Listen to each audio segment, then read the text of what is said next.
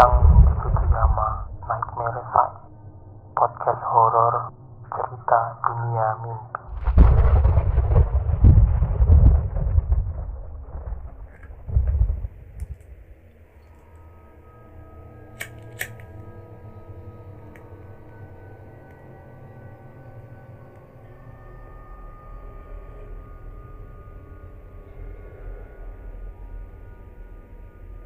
Jam dinding terus berdetak di kesunyian malam menjelang pagi kala itu.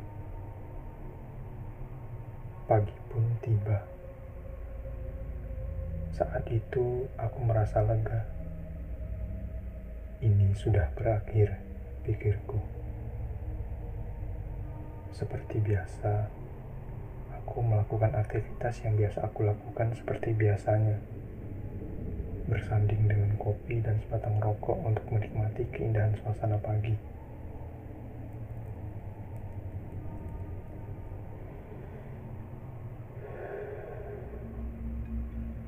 Setelah kejadian dua malam yang lewat,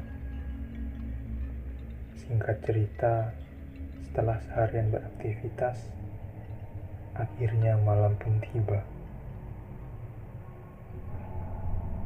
Namun, malam ini agak berbeda dengan malam-malam yang sebelumnya.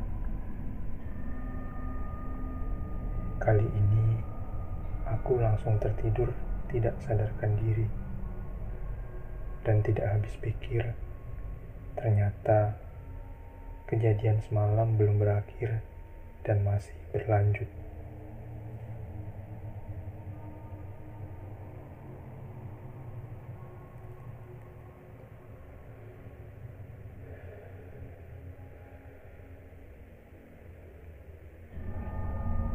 Setelah aku tertidur, aku langsung masuk ke dunia alam bawah sadar. Dengan suasana mundur sekitar masa koloni zaman dulu. Gambaran suasananya itu seperti sangat asing olehku. Karena dari pandangan yang tergambarkan dari sekitar itu semua, rumah-rumahnya seperti rumah-rumah Belanda zaman dulu. Dan belum ada kendaraan mesin yang aku jumpai saat itu. Aku bingung. Aku berada di mana?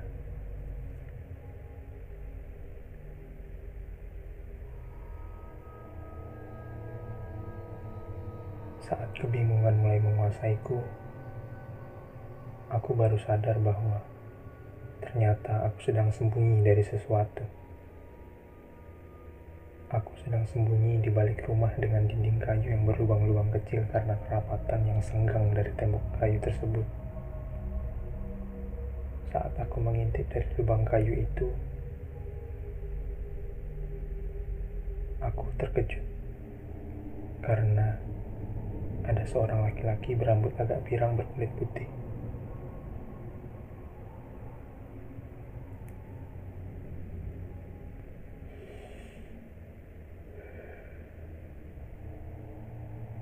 Karena ketakutan yang tak ku mengerti, kenapa aku harus takut dengannya. Tanpa sengaja aku bergeser dan menginjak sesuatu seperti kaleng kecil yang membuat posisiku diketahui olehnya. Tiba-tiba perhatian dia langsung fokus terhadapku dan mulai mengejarku dengan memegang pisau dapur di genggamannya.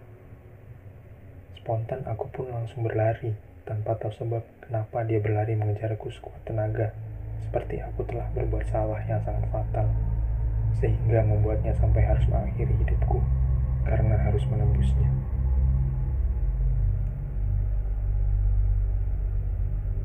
Aku terus berlari sekencang-kencangnya. Aku tidak ingin mati, pikirku saat itu dengan pikiran yang kalut karena rasa takut yang mengkujur seluruh tubuhku saat itu. Berlari, berlari, berlari Aku terus berlari. Bahkan rintangan seperti semak belukar, aku menembusnya.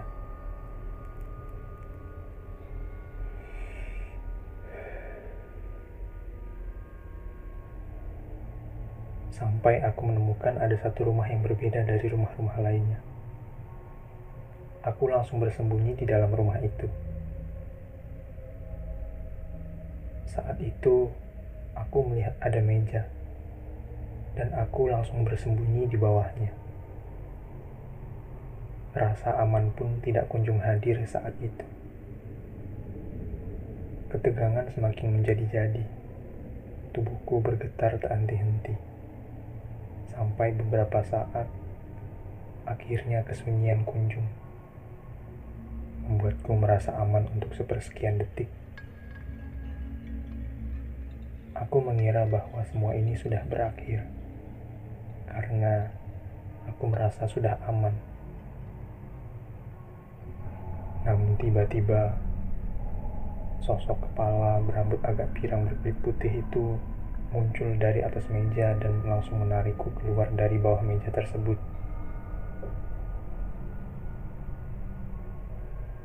Terkejut pun aku tak sempat, karena saat itu terasa begitu cepat. Dia langsung menusukku menggunakan pisau dapurnya. Saat itu juga aku terbangun.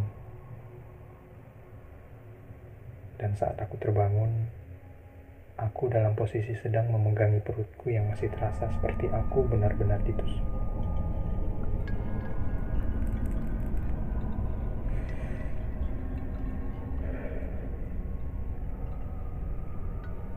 Rasa sakit itu masih terasa sampai aku terbangun. Aku terdiam dalam bingung. Spontan aku langsung memeriksa perutku apakah benar aku tertusuk. Untungnya, itu semua sudah berakhir di mimpiku. Aku sudah terbebas dari dunia alam bawah sadarku.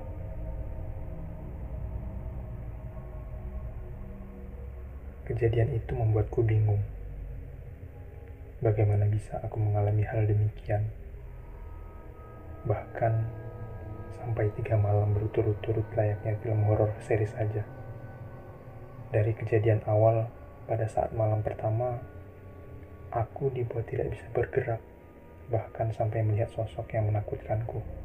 Hingga malam kedua yang membuatku sampai tercengang bingung karena di kamarku ada sesosok mayat yang isi perutnya berceceran keluar dari dalam perutnya dan darah menggenang ke seluruh kamarku.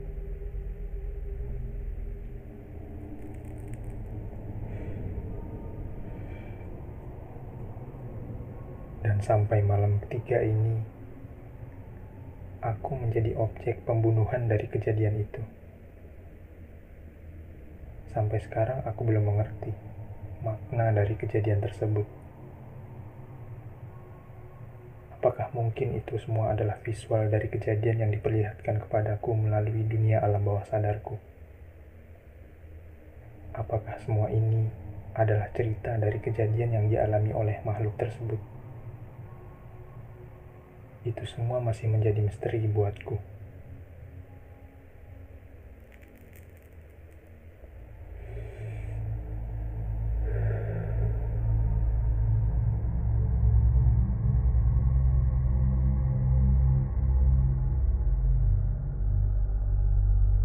Terima kasih sudah mendengarkan podcast saya. Selamat malam.